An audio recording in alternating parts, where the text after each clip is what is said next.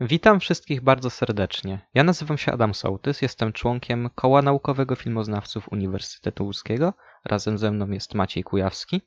Witam wszystkich. I razem będziemy mieli przyjemność poprowadzić podcast yy, pod nazwą Gdzie dwóch się boi, w którym będziemy opowiadać o historii horroru, zaczynając od samych początków gatunku, które sięgają hen hen w głąb jeszcze samych początków dziesiątej muzy i, i medium filmowego.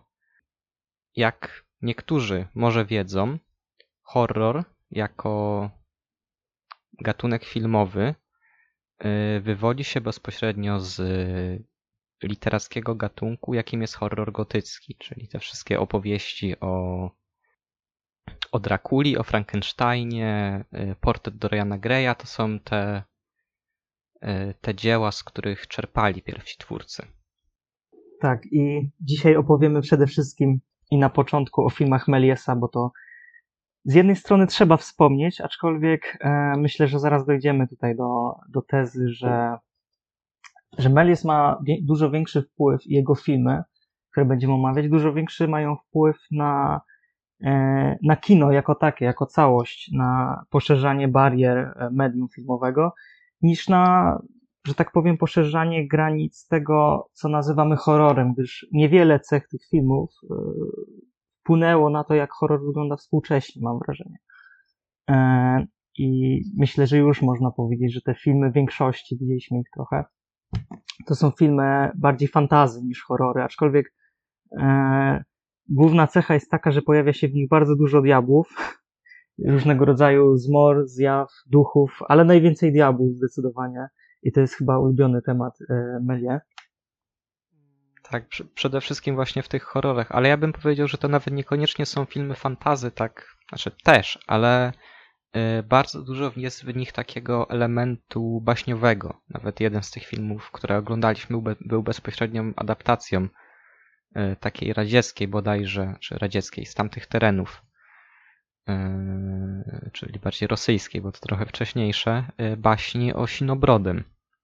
Ale, ale o tym troszkę później. Yy, co do tych, tych diabłów, no to faktycznie. I, I to nie są też takie diabły, które można kojarzyć na przykład z, z horrorem późniejszym. To nie jest ten diabeł, który w egzorcyście opętuje małą dziewczynkę i sprawia, że lewituje ona i chodzi pająkiem po schodach te diabły w Umeliesa to są takie.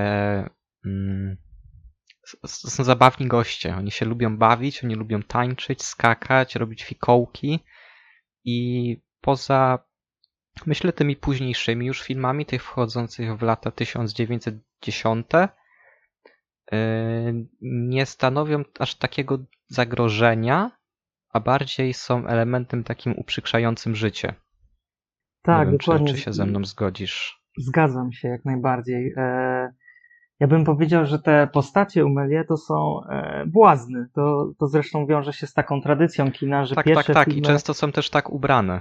Tak, i, i pierwsze filmy wywodzą się z e, cyrku, tak, z, z, z jakichś e, karnawałowych wydarzeń. To, to jest kino jaramaczne, e, atrakcyjne wizualnie i to jest bardzo ciekawe właśnie, że współcześnie horrory kojarzymy z tym, że wiele postaci jest ukrytych na przykład w cieniu, w jakimś mroku, e, albo widzimy tylko część tego potwora i to sprawia, że e, wyobraźnia silniej działa. Natomiast tutaj najważniejsze jest to, żeby pokazać w całości te postacie, pokazać to, jak się ruszają, jak one na siebie tak wyjątkowo mocno zwracają uwagę, tak? Zawsze są w centrum, dobrze wyeksponowane Mm, no i wspaniale się bawią. Myślę, że to, to, to jest tak, takie coś urokliwego, jak się wraca do tych filmów, że e, widać, że diabły mają radość z tego, że uprzykrzają życie, że zmieniają przestrzeń dookoła.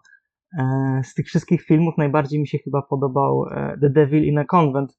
Głównie dlatego, że to jest właśnie chyba najbardziej przesadzony film, to będzie chyba dobre słowo, przesadzony, w którym pojawia się jeden diabeł, E, w arystokratycznym miejscu, w jakimś zamku prawdopodobnie, który jest ładnie wystrojony, mm, ładna e, scenografia e, i wyczarowuje kocioł i z tego kotła wyjmuje jak najwięcej diabłów, tak? Tyle, ile zmieści się w kadrze w zasadzie.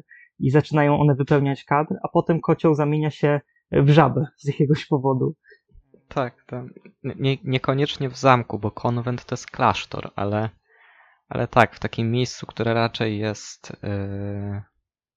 Właśnie dlatego to kluczowe, że to jest klasztor, więc jest yy, coś, o czym będziemy dzisiaj dużo mówić, czyli takim elementem najbardziej wywołującym strach, ewentualny strach, jest takie przekroczenie granicy Tak. yy, pomiędzy jakiejś bariery, która dzieli dwa światy.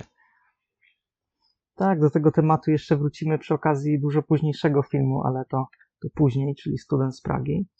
E, natomiast też y, jeszcze ciekawsza rzecz jest taka, że większość tych filmów y, można współcześnie odnaleźć w pokolorowanych e, kopiach, w bardzo, e, w bardzo takich jaskrawych formach. Oczywiście to są filmy, które mają e, mieć trochę taką formułę sztuczek magicznych, występów il- Tak, iluzjonistycznych. tak, tak. I to właśnie dlatego mogą się bardzo kojarzyć z tym, z tym cyrkiem, gdzie na przykład yy, yy, ten film The Hallucinated Alchemist, yy, on jest bardzo kolorowy. tak. Yy, I faktycznie w nie, niektóre te kopie, te lepsze, są, yy, oczywiście też zależy jaką, jaką kopię się obejrzy, ale często te filmy właśnie yy, tych kolorów mają bardzo dużo. Tak, ja jeszcze dodam, że współcześnie być może, jeśli ktokolwiek jest w stanie odczuwać e, strach, czy, czy może jak, jakiś niepokój na tych filmach, chociaż to jest bardzo dyskusyjna kwestia, to myślę, że może być to spowodowane jakąś archaicznością, tym, że te filmy się zestarzały i wyglądają dziwnie, jak coś z innego świata. E, Tak, na przykład w filmie ba- bardziej myślę strach przed ewentualnym obejrzeniem tego niż przed samą treścią filmu. Tak, mi się, mi się to trochę kojarzy na przykład z filmem dużo późniejszym e, Ptaki Hitchcocka, w którym e, ze względu na to, że ten film się zestarzał, mam wrażenie, jest odbierany trochę jako groteskowy. Jednocześnie się śmiejemy, ale odczuwamy no, jakiś dziwny niepokój, tak? I może, może część tego można odnaleźć właśnie w filmach Melie. Na przykład w filmie The Merry Frolics of Satan e, z 1906 roku, e, w którym dzieje się bardzo dużo rzeczy. To jest dość długi film, jak na tamte lata, bodajże 16-minutowy, z tego co pamiętam. E, I mamy do czynienia z mm, istotami, które powinny być martwe, ale ruszają się bardzo dziwnie, w nienaturalny sposób. Na przykład mamy konia, który jest złożony z kości, tak? Koń, kościotrup.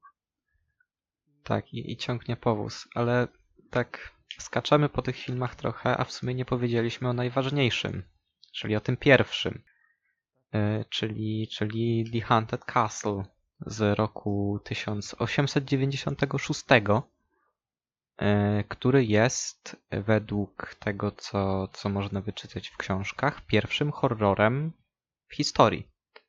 I według mnie jest taką bardzo dobrą definicją mm, tego, czym będą właśnie te horrory Melie.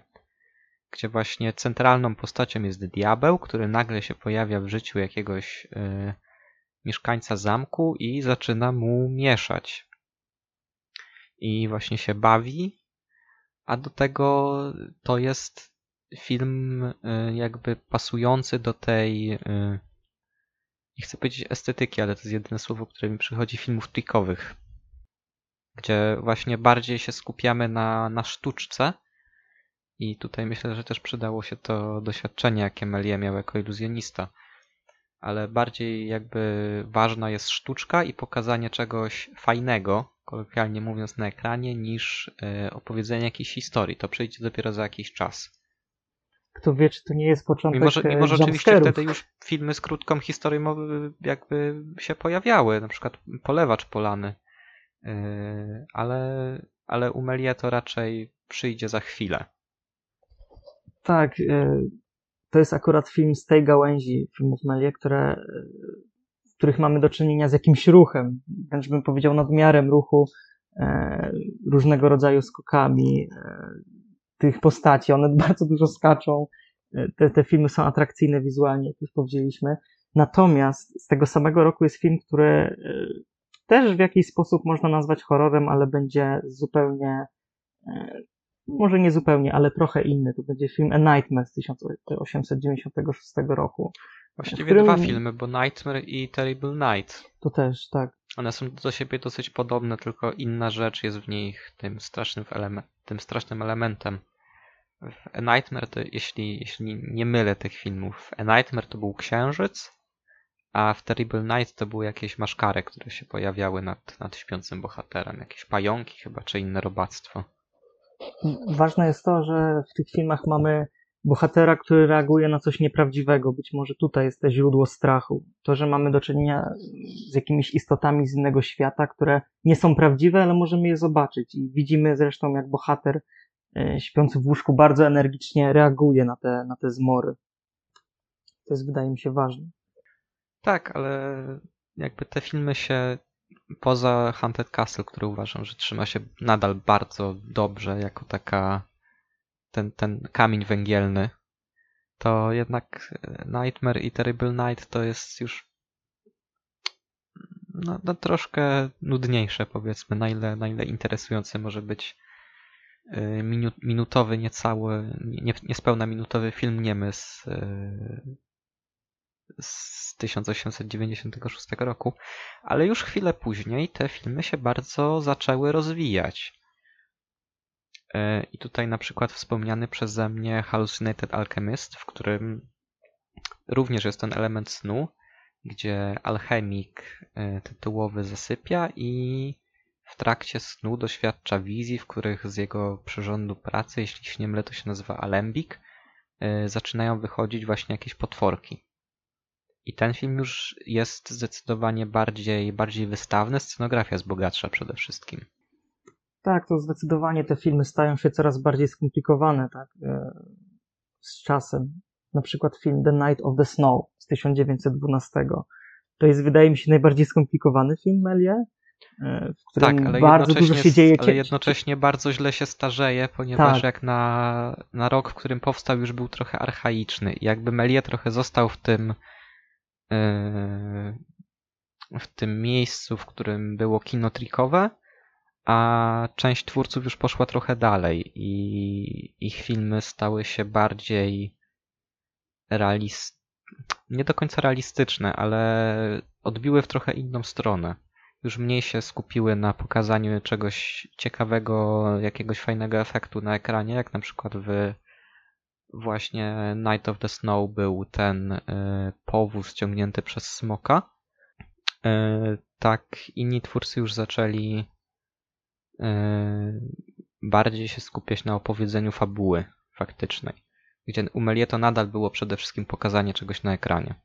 Tak, ale u Melie zaszła taka no, delikatna zmiana. No, więcej lokacji zaczęło się zmieniać w trakcie tych filmów. E, tak, to, bardzo to, to różniły jest się taka największa, myślę, zmiana, yy, którą można zauważyć, że na początku te filmy były wszystkie na statycznym ujęciu, bo kamery były ogromne, a, a potem a potem zaczęło się właśnie pojawiać, pojawiać się montaż, przejścia jakieś, e, właśnie ruchy kamery, takie mniejsze, większe. Co by nie mówić, e, horror jako gatunek trochę mi się kojarzy z takim minimalizmem, mm, z jakąś prostotą. Wiele tych starych filmów, o których będziemy mówić, to, to te, które są najprostsze, wydaje mi się, naj, najlepiej się starzeją. Zazwyczaj jest taka zasada, chociaż nie zawsze oczywiście, Natomiast właśnie te filmy Melie coraz bardziej poszerzały granice e, kina przede wszystkim i bawiły się e, swoją formą oczywiście, mm, jak dało się na tamte lata. E, I ten film The Night of the Snow już naprawdę wydaje się może nie wielowątkowy, ale jest bardzo dużo zwrotów akcji. Ciężko jest opowiedzieć jego fabułę, co po kolei się dzieje i właśnie dużo bardziej to jest fantazja niż horror, już, już naprawdę wydaje mi się. Tak, tak, tutaj zdecydowanie. Ale chwilę wcześniej, czy chwilę, cztery lata wcześniej, yy, pojawił się jeszcze taki film, który się nazywa In the Boogeyman's Cave. I to jest yy, chyba pierwszy, pierwszy horror, w którym się pojawił element kanibalizmu. Gdzie ten tytułowy Boogeyman najpierw zjada swojego sługę, wrzuca go do gara i gotuje z niego jakąś potrawkę. Potem przychodzi ten element kary, gdzie on zasypia i i, i dręczą go koszmary wywoływane wyrzutami sumienia. I tutaj właśnie jeszcze jedna taka rzecz w tych, tych filmach Melie, że zwykle chyba, chyba tak jest. Może, może są jakieś pojedyncze przykłady, gdzie nie, ale raczej, raczej we wszystkich tych jego filmach na koniec zawsze zagrożenie, jeśli nie zostaje zażegnane, to albo zostaje zażegnane jakby działaniami bohaterów, gdzie na przykład w Night of the Snow ten tytułowy rycerz ratuje księżniczkę porwaną przez, przez diabła, albo to zagrożenie samo znika. Po prostu diabeł stwierdza, że już tam robienie psikusów yy, przestaje być śmieszne i, i znika w kłębie dymu, tak samo jak się pojawił. Tak, ja mam wrażenie, że właśnie przez to, że tak spontanicznie znika, to mamy wrażenie, że w tym świecie przedstawionym, gdyby, gdyby ten film trwał dalej, to mogłoby to wrócić po prostu. Równie spontanicznie i równie nieprzewidywalnie. Tak, to, to jest szalony świat Mylie. No tak, ale już tak zahaczyłem lekko o ten, o te inne filmy, które uważam są dużo ciekawsze, mimo że Melia oczywiście miał ogromny wpływ na, na rozwój kina jako, jako sztuki. Wyprawa na Księżyc, może ktoś, może ktoś kojarzy taki film. E, Ale e, w, w 1910 roku powstała pierwsza filmowa adaptacja Frankensteina. E, Wyreżyserował ją pan, który się nazywał J. Searle. Wydaje mi się, że tak to się wymawia. Dowley. To jest jedyna rzecz, z której chyba jest znany. E, I to już jest taki film e, poważniejszy i myślę, że gdyby się postarać, można by nawet tą fabułę rozpisać na, na nieco dłuższy metraż niż te chyba 12 minut, które trwa. Tak, odróżnia się od Melie, ale jednocześnie jeszcze ma moim zdaniem jakieś niewielkie elementy łączące te dwie estetyki. E, Tak, między tak, tak. To, to, nie jest że... jakby, nie, nie, nie twierdzę, że to jest kompletne, kompletna zmiana stylistyki. Tak, ale, ale właśnie do czego dążę? Do tego, jak wygląda potwór w tym filmie, Frankenstein, którego wszyscy kojarzą, e, no przede wszystkim z tej adaptacji z lat 30., e, to jak wygląda, ten wizerunek Tak, się z, z upowszechnił. Borisem Karloffem. Nawet jeśli ktoś nie widział tego filmu e, z lat 30., to doskonale kojarzy ten wizerunek. Jakoś udało się to popkulturze idealnie zaszczepić, Tak, ty, tak tym powiem. bardziej, że no jednak on się, on się z, y, pojawia wszędzie, w sensie to jest ten domyślny Frankenstein. Ja na przykład trochę wolę, jak wygląda ten Frankenstein y, Christophera Lee z Hammera, ale jednak ten, y, ten Frankenstein Karloffa jest właśnie takim, no jest pamiętany. Właściwie zawsze jak się pojawi Frankenstein w jakiejś animacji albo jako figurka Lego, to to jest ten Frankenstein Karloffa. Tak, natomiast w tej wersji z 1910 roku mamy potwora, który wygląda jak rodem z filmu Melie, bym powiedział. Jest ubrany jak, trochę jak błazen, taki dziwny, e, przesadzony, arystokratyczny strój. E, ma jakąś dziwną posturę, właśnie dużo skacze, bardzo dużo biega. Ten film jest dość dynamiczny jak na tamte lata. E, no i nijak ten film łączy się z późniejszymi adaptacjami książki. Tutaj te, ta, ta postać to jest bardziej upiór, duch, jego geneza jest e, inna zupełnie. E, wydaje mi się też, że w, późniejszych filmach to Frankenstein był bardziej namacalny. Tutaj mamy do czynienia właśnie z jakąś zjawą. E, pojawia się motyw lustra, tego, że on jest z innego świata, że można sprawić też, że on do tego lustra, tego innego świata wróci. E, Więc zupełnie nie łączy się to z tym, jak potem była portretowana ta postać. E, I ma też cechy istoty ludzkiej, co jest ważne. Ponownie będziemy wracać dzisiaj do tego tematu, czyli, e, czyli potwory, które są na granicy między światem rzeczywistym, a tym iluzyjnym, e, trudnym do, do pojmowania przez e, człowieka. Tak? E, Mi osobiście Frankenstein, nie wiem, czy to tylko jest moje skojarzenie, ale strasznie przypomina mi postać Pennywise'a z filmu e, Może, to. może trochę. Ja bym powiedział, że przez ten taki mm, właśnie temat dualizmu, y, jaki tam jest podejmowany, właśnie to, tego odbicia w lustrze, y, to jest coś, co się po prostu myślę z miarę oczywistego powodu mi się kojarzy z Alicją w Krainie Czarów, a konkretnie z, no, z Alicją po drugiej stronie lustra, gdzie właśnie ten świat po drugiej stronie jest czymś obcym i może trochę strasznym. Ale już dwa lata później się pojawia kolejna adaptacja takiej właśnie klasycznej literatury grozy, tego właśnie horroru gotyckiego, czyli adaptacja doktora Jekylla i pana Hyda. E, Tym razem, tym razem w reżyserii Luciusa Hendersona. I tutaj w ogóle jedna ciekawa rzecz, na którą warto zwrócić uwagę. Wydaje mi się, że obecnie Frankenstein i, i Dr. Jekyll są postaciami z, o sporo mniejszej popularności. Dużo popularniejsze jest zdecydowanie Dracula, generalnie wampiry. A Dracula trochę na swoją adaptację musiał poczekać. To się zdarzyło dopiero przy okazji Nosferatu. Ale jeszcze w. Wydaje mi się, że to był 1908.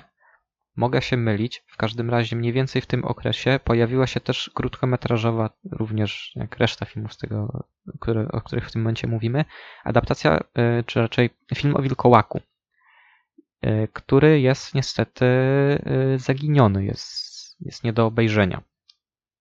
Ale właśnie ciekawe, że naj, najpopularniejszy chyba z całej tej gromadki tych potworów właśnie klasycznych gotyckich, Dracula musiał czekać najdłużej. No ale, ale wracając do, do doktora Jekylla i pana Hyde'a, 1912 rok. I znowu widać postęp. Nie, nie chcę się jakoś bardzo kłócić, ale moim zdaniem to są dość podobne filmy. Frankenstein Dr. Jekyll i Mr. Hyde. Oba filmy są dość dynamiczne. Postacie wykonują dużo energicznych ruchów. Trochę wygląda to jak klasyczny film e, tak zwanej pościgu i ucieczki, tak? Według, według jakiejś e, konwencji trochę kreskówkowej. Narracja jest nieco bardziej skomplikowana na pewno niż we Frankensteinie, to, to, to myślę, że się zgodzisz. E, ale współcześnie ten film raczej nie wywoła żadnego niepokoju. E, inscenizacja jest bardzo prosta, e, bez żadnego wyraźnego stylu. I, mm, ale, ale jest to jakieś doskonalenie technik, te, tego, to, tego, co było właśnie dwa lata temu. Aczkolwiek ja osobiście o tym filmie dużo do powiedzenia nie mam. Uważam, że się właśnie zestarzał. Znaczy nie, oczywiście, tu bardziej chodziło mi o to, że to jest właśnie takie doskonalenie, taki powolny rozwój niż, niż jakiś ogromny przeskok. To, to będzie, w sumie było chwilę temu y, we Włoszech, ale nie wiem, czy już chcemy zakończyć o tych, o tych filmach krótkich, bo jakby one są istotne, ale myślę, że u nich, o nich nie ma aż tak dużo do powiedzenia.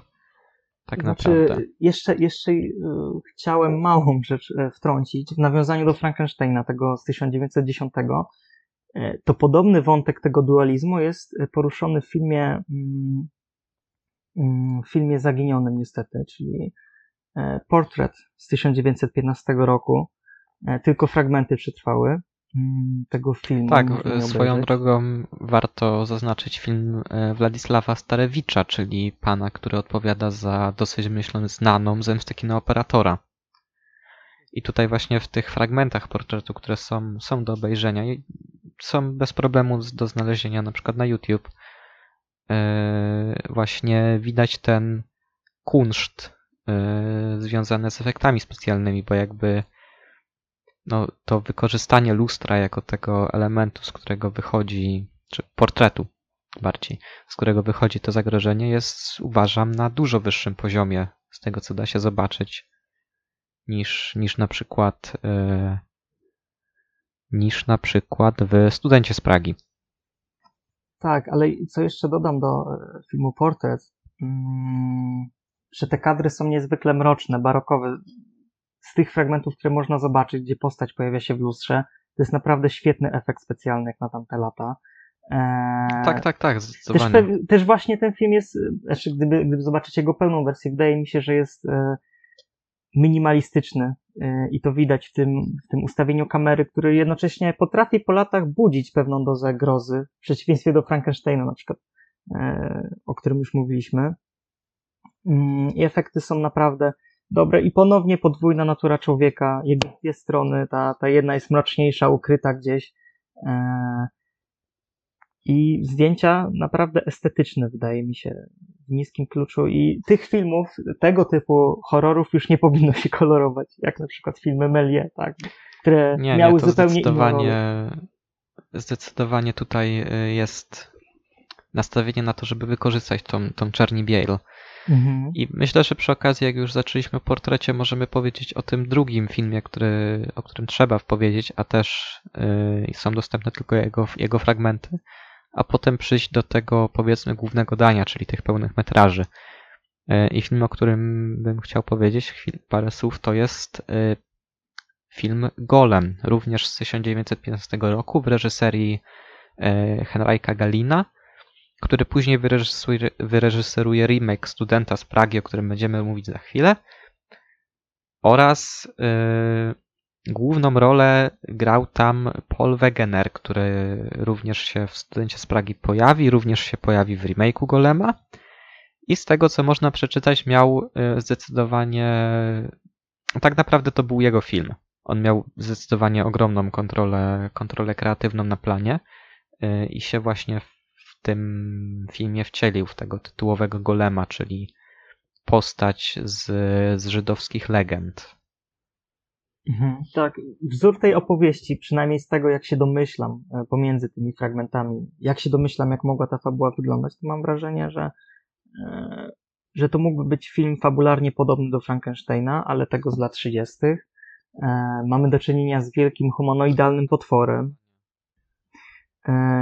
I to co, to, co mi się podoba w tych krótkich fragmentach, które można zobaczyć, to, to coś, co do dzisiaj jest wykorzystywane w horrorze, czyli, um, czyli takie ukazanie potwora jako tego, który porusza się w sposób ospały, powolny.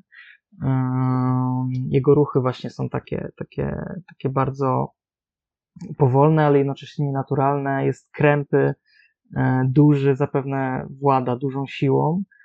E, I ta postać, jego sylwetka wydaje mi się podobna do postaci z późniejszego filmu The Thing from Another World e, Howarda Hawksa z 1951 roku, który potem zresztą miał remake, gdzie już zupełnie inaczej wyglądał ten potwór, ale w tej wersji z lat 50. widzę pewne podobieństwa. Właśnie duży człowiek, który e, ma bardzo uproszczoną sylwetkę względem ludzkiej, tak? Ona jest taka. Mm, tak, jest taki klocowaty, powiedzmy. Tak, dokładnie. I oczywiście e, jeszcze będziemy o tym mówić, ale nie w tym odcinku. Ten film miał remake. Z 1920 miał i ten roku. remake już jest, już się zachował w, w całości. I wydaje mi się, że to był taki remake e, bardzo jeden do jednego, więc można sobie na, na podstawie na podstawie tego remake'u mniej więcej zwizualizować, jak, jak wyglądał poprzedni, ten starszy o 5 lat golem. No ale trochę wcześniej, bo w 1911 we Włoszech powstał film e, pod tytułem Dante's Inferno. Nie będę próbował wymówić e, wymówić oryginalnego tytułu. Film w reżyserii e, Giuseppe Di Logario oraz e, Francesco Bertoliniego oraz Adolfo Padovana. Trójka panów się za ten film zabrała. To jest taka dosyć luźna adaptacja boskiej komedii Dantego. I to jest film, który mm, Chyba jest pierwszym pełnometrażowym horrorem. Y, I jeśli warto go w tym momencie za coś pamiętać, to przede wszystkim za inscenizację i za, i za efekty specjalne. Zdecydowanie. Też myślę, że po latach, jak ktoś sobie e, zobaczy, to naprawdę wrażenie w tym filmie robi ekipa, e, zarówno aktorska, jak i, e, jak i ekipa twórców. Bo to jest bardzo, już mówię, że trzech reżyserów ten film to było przedsięwzięcie na tamte lata, prawie jak jakieś e, historyczne, można powiedzieć. Tutaj jest taki rozmach rodem z kina historycznego. E, wydaje tak, mi się, jest, że. Tam jest dużo statystów na planie, one są bardzo bogate. Jest rozbudowana scenografia. Tak, to jest bardzo ciekawe. Gdyby horror, na przykład jako gatunek, podążył tą drogą co Melie i właśnie na przykład ten film, e, to kto wie, czy współcześnie horrory to nie byłyby te filmy e, z dużymi budżetami i i naprawdę zachwycającymi efektami specjalnymi. Wiemy, że stało się zupełnie inaczej, ale, ale wydaje mi tak, się, że. I Kapitanem Ameryką. Tak. Chociaż jakby Marvel ma w ofercie zombie, także kto wie.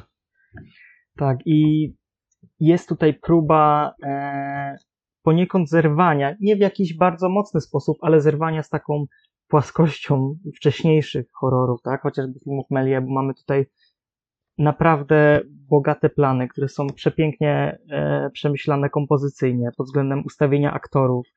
E, to jest film, który ma określony rytm. Widzimy co chwila e, obrazy, możemy się na nie napatrzeć. One trochę funkcjonują na zasadzie mm, obrazów malarskich, na które widz może popatrzeć, Tak, ja- bym nawet-. Może nawet niekoniecznie obrazów malarskich, ale ja bym powiedział, że ten film jest yy, wybitnie teatralny i ja sobie bez problemu wyobrażam możliwość wystawienia tej historii, odtworzenia jej po prostu na deskach teatru. Może nieko- nie- niekoniecznie ze scenografią na scenie, bo trzeba było ją co parę minut zmieniać całkowicie, bo jednak ta podróż przez piekło bardzo tam zmienia scenerię, ale na przykład z ekranami takimi dużymi yy, w tle, to myślę, że byłoby to bez problemu do przełożenia jeden do jednego. Mhm. Też czuć z tego, że bije z tego filmu taki fatalizm. E, On jest świetnie przemyślany pod względem dramaturgii. On trwa bodajże godzinę i w trakcie jego oglądania cały E, czas 70 można czuć, minut chyba. Właśnie. Można w trakcie oglądania tego filmu e, poczuć zbliżającą się śmierć na każdym etapie e, tego obrazu i to, że zbliża się jakieś zagrożenie, jakiś tragizm. E, skoro już porównywałem ten film do Méliès, to obrazy w tym filmie są dużo bardziej zastygłe, powolne. Mm, Bohaterowie bardzo powoli poruszają się po kolejnych e, etapach e, tej wędrówki. Mm, Jak już mówiłem, w kadrze znajduje się wiele postaci, elementów, które e, można chłonąć. Ja mam wrażenie, że ten film to jest trochę taka, e, taka książka z obrazkami, którą można e, chłonąć i, i wczuć się w ten nastrój. Mm, Tak, tym bardziej, że jednak tempo tego filmu jest dosyć powolne. I to, czego często brakuje u Melie, to tutaj mamy do czynienia z wizualną konsekwencją i w zasadzie nie ma tutaj odbiegania od jakichś wzorów y, wizualnych, aczkolwiek i tak ten film potrafi nasycić zmysły, y, że tak powiem, zmianami y, kolejnych obrazów, też, też tutaj y, kolorów tych plansz.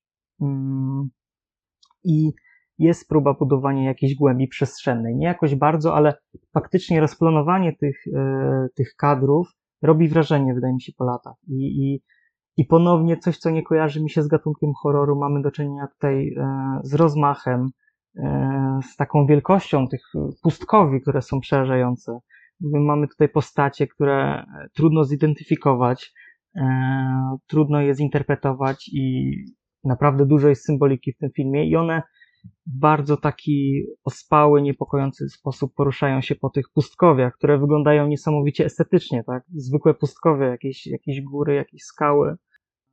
Tak, tam pod koniec jedna z rzeczy, która mi chyba najbardziej jedna z rzeczy, która mi chyba najbardziej zapadła w pamięć z tego filmu, to jak pod koniec yy, główni bohaterowie się znajdują na takim yy, dużym jakby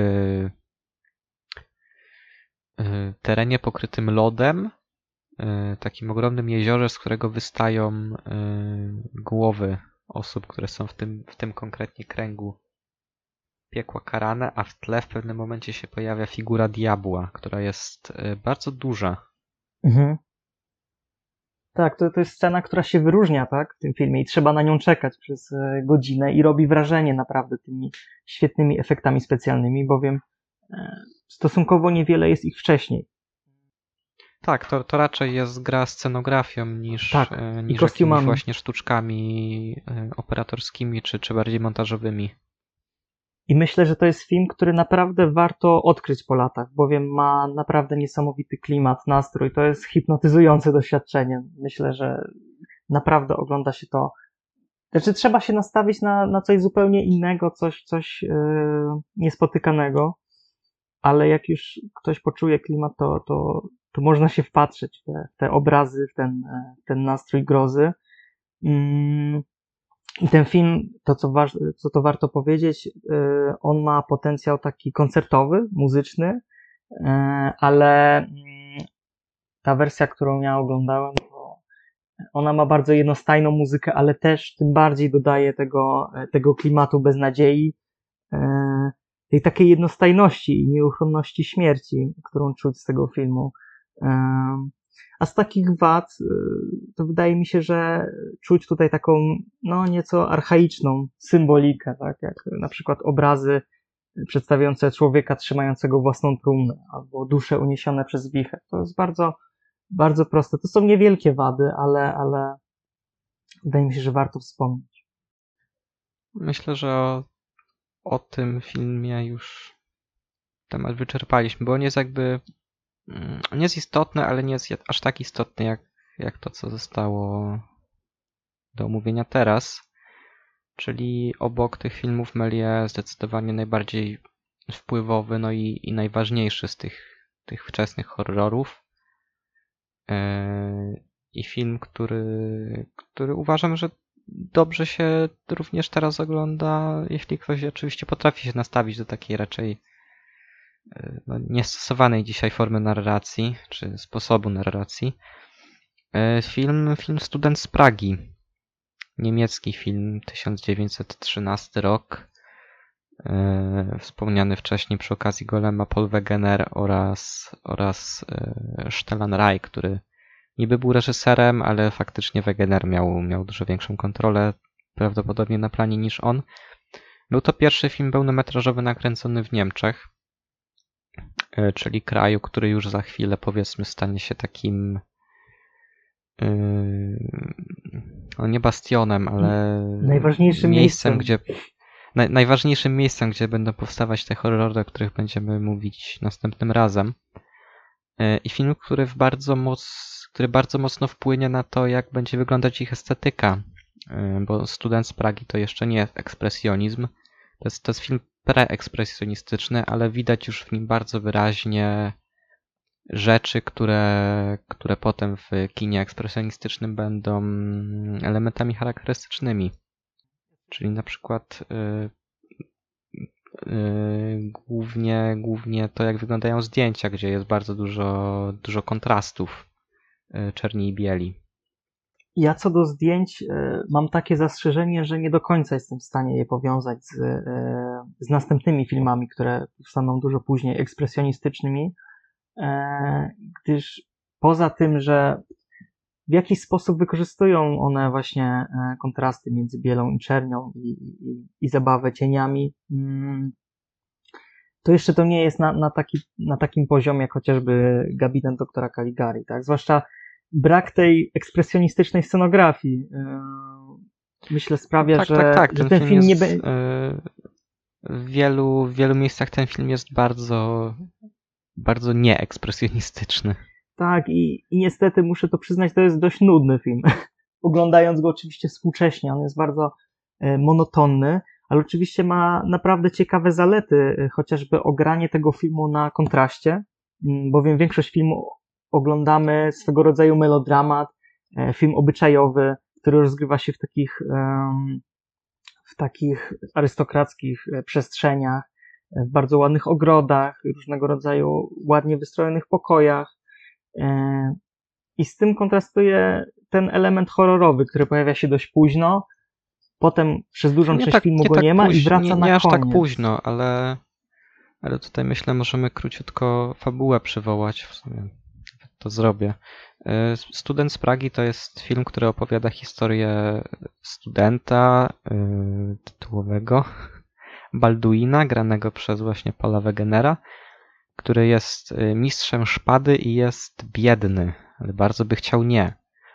I nadarza mu się taka okazja, że spotyka czarownika, który się, który się nazywa Scapinelli i podpisuje z nim y, pakt, nie czytając y, drobnego druczku, czy inaczej czytając, ale nie myśląc trochę o konsekwencjach, ponieważ na kontrakcie jest napisane, że Balduin w zamian chyba za pieniądze, czy za generalnie status, odda dowolną rzecz, która znajduje się w pokoju jego. I czarownik z Capinelli zabiera odbicie w lustrze Balduina, który od tego momentu zaczyna żyć własnym życiem i, i zaczyna prześladować bohatera. Tak, yy, to co mówiłem o kontraście, yy, że mamy tutaj do czynienia właśnie ze studentem, z takim życiem, które jest monotonne.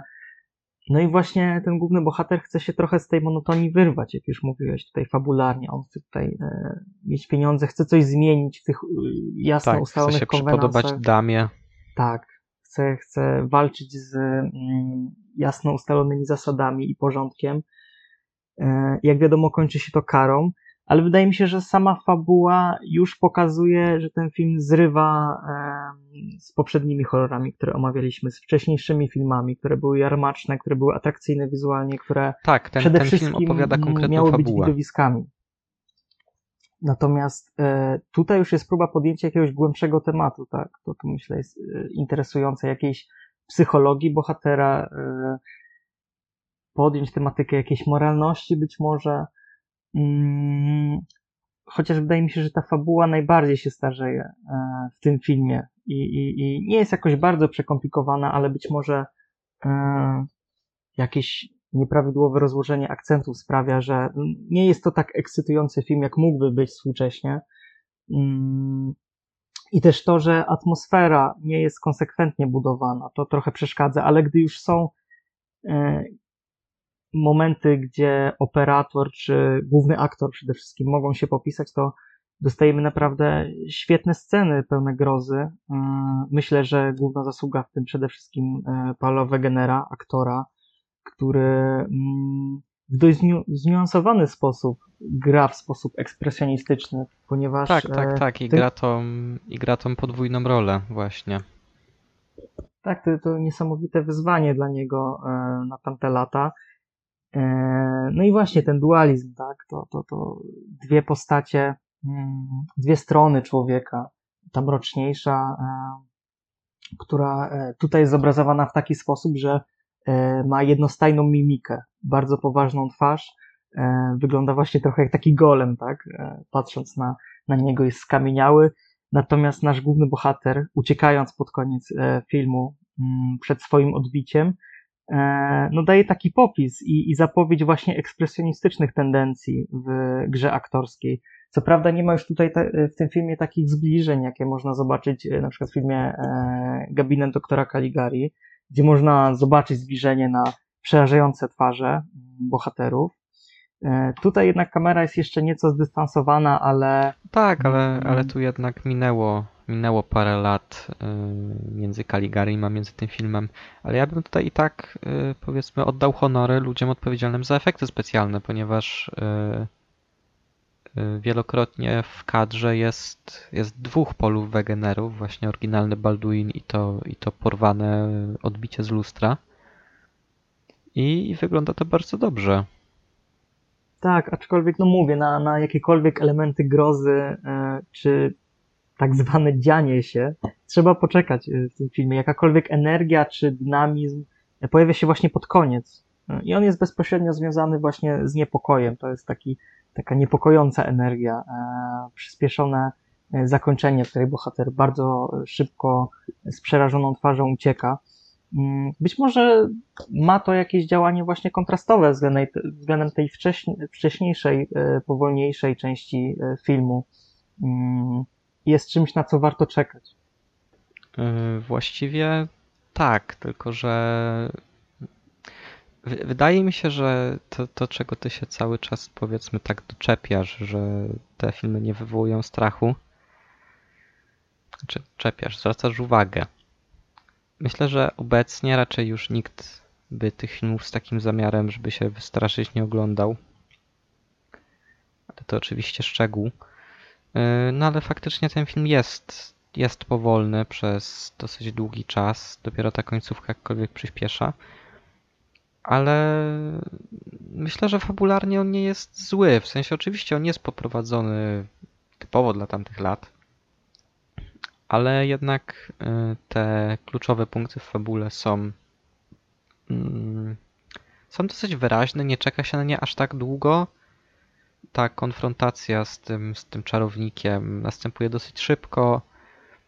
Y, Potem, potem, gdy Balduin się dowiaduje, że to porwane z lustra odbicie faktycznie żyje i, i może wchodzić w interakcję z otoczeniem, czy, czy potem, potem zakończenie, gdzie próbuje tak nieudolnie naprawić ten swój, ten swój wcześniej popełniony, popełniony błąd. Myślę, że, że nie będziemy zdradzać, jak film się kończy, chociaż raczej łatwo jest się tego domyślić. już od pewnego etapu. Ja jeszcze dodam, że ja bardzo lubię ostatni kadr tego filmu.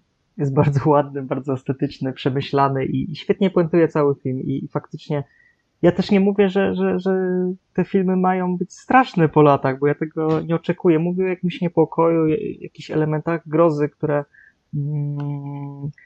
które się zachowały w tych filmach. No w tym wypadku właśnie mówię, dla mnie, na, na mnie najbardziej oddziało, oddziaływało dopiero e, zakończenie. I właśnie ten ostatni kadr, który, który bardzo lubię. Nie wiem, może. Ale tak patrząc ogólnie już na, na całość i, i głównie właśnie tego studenta z Pragi, yy, no to jednak ten horror zmienił się.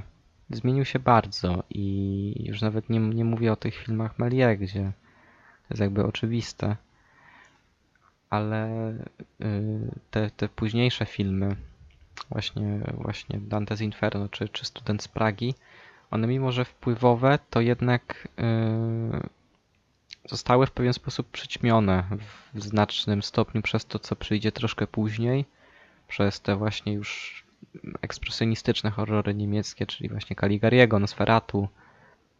Yy, raczej z tej, z tej epoki się tych horrorów trochę nie pamięta. Dużo, dużo cieplej i, i, i częściej są przede wszystkim wspominane takie filmy również Melie, yy, jak Wyprawa na Księżyc, czy Napad na Ekspres, Napad na pociąg, jak się ten film nazywał, Mhm. nie pamiętam. Pierwszy western, tak, y, napad na Tak. ekspres. Tak, tak, tak. Gdzie no jednak y, myślę, że te, te początkowe horrory warto pamiętać, bo jednak to jest gatunek, który był skinem właściwie od samego początku. To prawda, tak, zdecydowanie. Eee, po, umie, to, to, że kino jako medium potrafiło pokazać te, te zmory, te diabły w sposób dosłowny, pokazać też ich styl poruszania się, co Melie świetnie wykorzystał, udało się. E, być może to ma wpływ, że właśnie horror współcześnie to jest przede wszystkim kino i, i, i, i jeśli nie tylko, ponieważ ono właśnie potrafi pokazać to, e, to, co często jest nieuchwytne dla ludzkiego oka i, i, i mylne, i ilu- iluzyjne, i dziwne, nieprawdziwe. E, I to jest fascynujące i, i, i, i, i choć, chociażby mimo, że te, te początkowe filmy nie budzą dzisiaj mm, takich emocji jak kiedyś, nie są tak dobre jak filmy, o których będziemy mówić kiedyś, to trzeba mieć do nich szacunek, e, omawiając horrory i, mieć świadomość e, ich wpływu, tak? I, I tego, że to są początki. No tak, no jeszcze właśnie myślę, że możemy na chwilę wrócić do tych, tych filmów Melie, bo nie powiedzieliśmy o wszystkich, a jeszcze jest co najmniej jeden, o którym bym chciał wspomnieć. Tak, tak już powoli, powoli kończąc. E, czyli ten wspomniany przeze mnie Sinobrody. E, gdzie to jest właśnie adaptacja baśni i, i, i taka dosyć wierna. W sensie, no ja baśń, ja baśni znam. Nie wiem jak ty, ale jest, Nie jeśli, znam. jeśli, jeśli ktoś nie wie, no to Sinobrody to jest e, historia tego, że, że stary mężczyzna tytułowy Sinobrody się żeni z... Zresztą tak jak w filmie, film widziałeś chyba. Widziałem, widziałem. No, więc, więc wszystko w porządku. Yy, żeni się z, z młodą kobietą i kiedy ona zostaje sama, sama w domu, bo mąż tam chyba idzie na wojnę czy na jakieś inne polowanie i mówi, że tutaj masz klucze, ale tego masz nie ruszać i nie otwierać nim tych drzwi, na które ci właśnie wskazuje palcem. Po czym ona to robi, się dowiaduje, że mąż jej mordował poprzednie żony. I uwaga, spoiler dla tych, którzy nie znają pewnie z liczącej 300, no 200-300 lat baśni. Yy, Na koniec kobieta zostaje uratowana przez swoich braci, kiedy mąż ginie. Yy, Tytułowy Sinobrody. I tutaj właśnie, mimo że film z 1901 roku, to uważam, że z tych horrorów Melie chyba starzeje się najlepiej, przez to, że jest yy, najbardziej, powiedzmy, koherentną historią. Nie ma tam fajerwerków wizualnych, nie ma Mhm. tam smoków ciągnących powozy po niebie, ani kościanych koni. ale opowiada historię i, i tutaj się chyba właśnie wyróżnia na tle tych innych filmów, y, tych innych horrorów Melie, które jednak nawet w tych dłuższych formach nadal się bardziej skupiają na sztuczkach. Tak, aczkolwiek e, zawiłość tych fabuł i, i, i, i, taka trochę bariera e, w oglądaniu tych filmów spowodowana tym, że to jest trochę archaiczne, sprawia, że to jest mocno subiektywne, które filmy Melia się pamięta. Myślę, że to zależy po prostu od gustów osoby. ja najbardziej Tak, od, pamiętam od tego, te z co, co diabłami. akurat ci się spodoba i przykuje oko.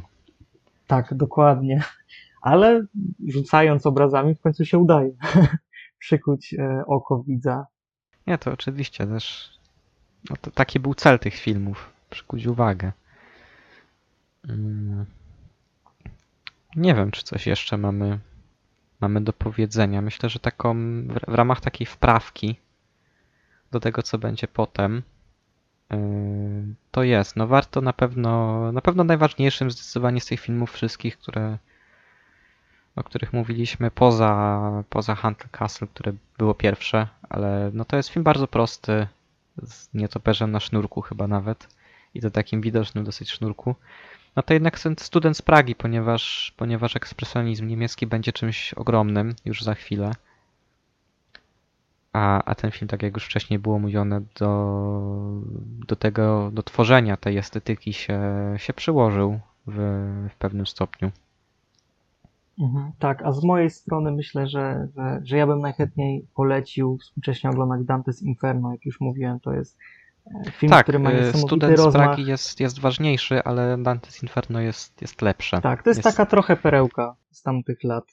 Ma, ma jakieś wady, ale myślę, że naprawdę ma, działalno, ma taką mm, działalność Tak, może, może niekoniecznie i- fabularnie, bo też jeśli ktoś na przykład y, w szkole średniej dan, y, y, boską komedię omawiał, a to jest film, film Mhm. lektura przynajmniej Luźno we fragmentach obowiązkowa, no to jednak fabularnie tam nic nikogo nie zaskoczy, bo to nadal jest po prostu boska komedia, tylko opowiedziana w formie, w formie filmu. Y, To jednak ta, ta warstwa realizacyjna tego filmu nadal jest czymś, co, co może robić wrażenie. Tak, jak ktoś lubi e, takie klasyczne potwory, to, to warto jako ciekawostkę zobaczyć Frankensteina z 1910 i się Tak, tym bardziej, jak niewiele Tym bardziej jeśli się wspólnego. widziało te, te inne wersje, właśnie szczególnie Dokładnie. tą z Karloffem, y, żeby zobaczyć jak y, dziwnie ta postać w kinie zaczynała. I jak bardzo inaczej od tego, co, co jest obecne w kinie dziś. Tak, w towarzystwie czarów, zaklęć, e, wpadania do I lustra. lustra. i tak dalej. Tak, to jest taki motyw, który się chyba najczęściej w tych filmach powtarzał. Lustro. Bardzo dużo luster. I podwójna osobowość. Też. Dobrze, także myślę, że na tym będziemy kończyć ten pilotażowy i lekko wprowadzający, nakreślający pewne, pewne tematy epizod. Yy, Następnym razem pomówimy już o czymś, co jest dużo ważniejsze i też myślę, że, że ta rozmowa będzie dłuższa. Yy, Tak, bo bardziej też o kanonicznych też- rzeczach. bo też filmy lepsze o rzeczach, które właśnie stanowią już taki utarty kanon i coś, co się, się zdecydowanie pamięta i myślę, że też dużo więcej osób widziało. Yy, Gabinet doktora Caligari czy, czy Nosferatu niż, yy, niż te filmy Melie albo Studenta z Pragi. Ale myślę, że o remake'u Studenta też, też coś wspomnimy, bo to jednak yy, no teraz się tak tak, jednak też teraz się tak dużo narzeka, że nic ciekawego w kinie nie ma i ciągle to samo, tylko kolejne remake'i, sequele i odkurzanie starych rzeczy. No, w latach dwudziestych też tak robiono, także to nie jest, to nie jest nic nowego. Tak więc następnym razem porozmawiamy o, o ekspresjonizmie niemieckim w latach dwudziestych. Czyli czymś, co jest y, obecnie Mam wrażenie, trochę wraca estetycznie, na przykład za sprawą Roberta Eggersa, który się bardzo często w wywiadach przyznawał do swojej miłości do, do Nosferatu, nawet planuje, planował, nie wiem czy, czy w końcu zarzucił ten pomysł, ale planował remake tego filmu. No i, i Lighthouse, czyli coś, co było bardzo, bardzo popularne, moim zdaniem słusznie, e, w 2019 roku. Jest film, który trochę do tej estetyki nawiązuje w, w tym, jak jest, jak wyglądają kadry, jak jest nakręcony ten film.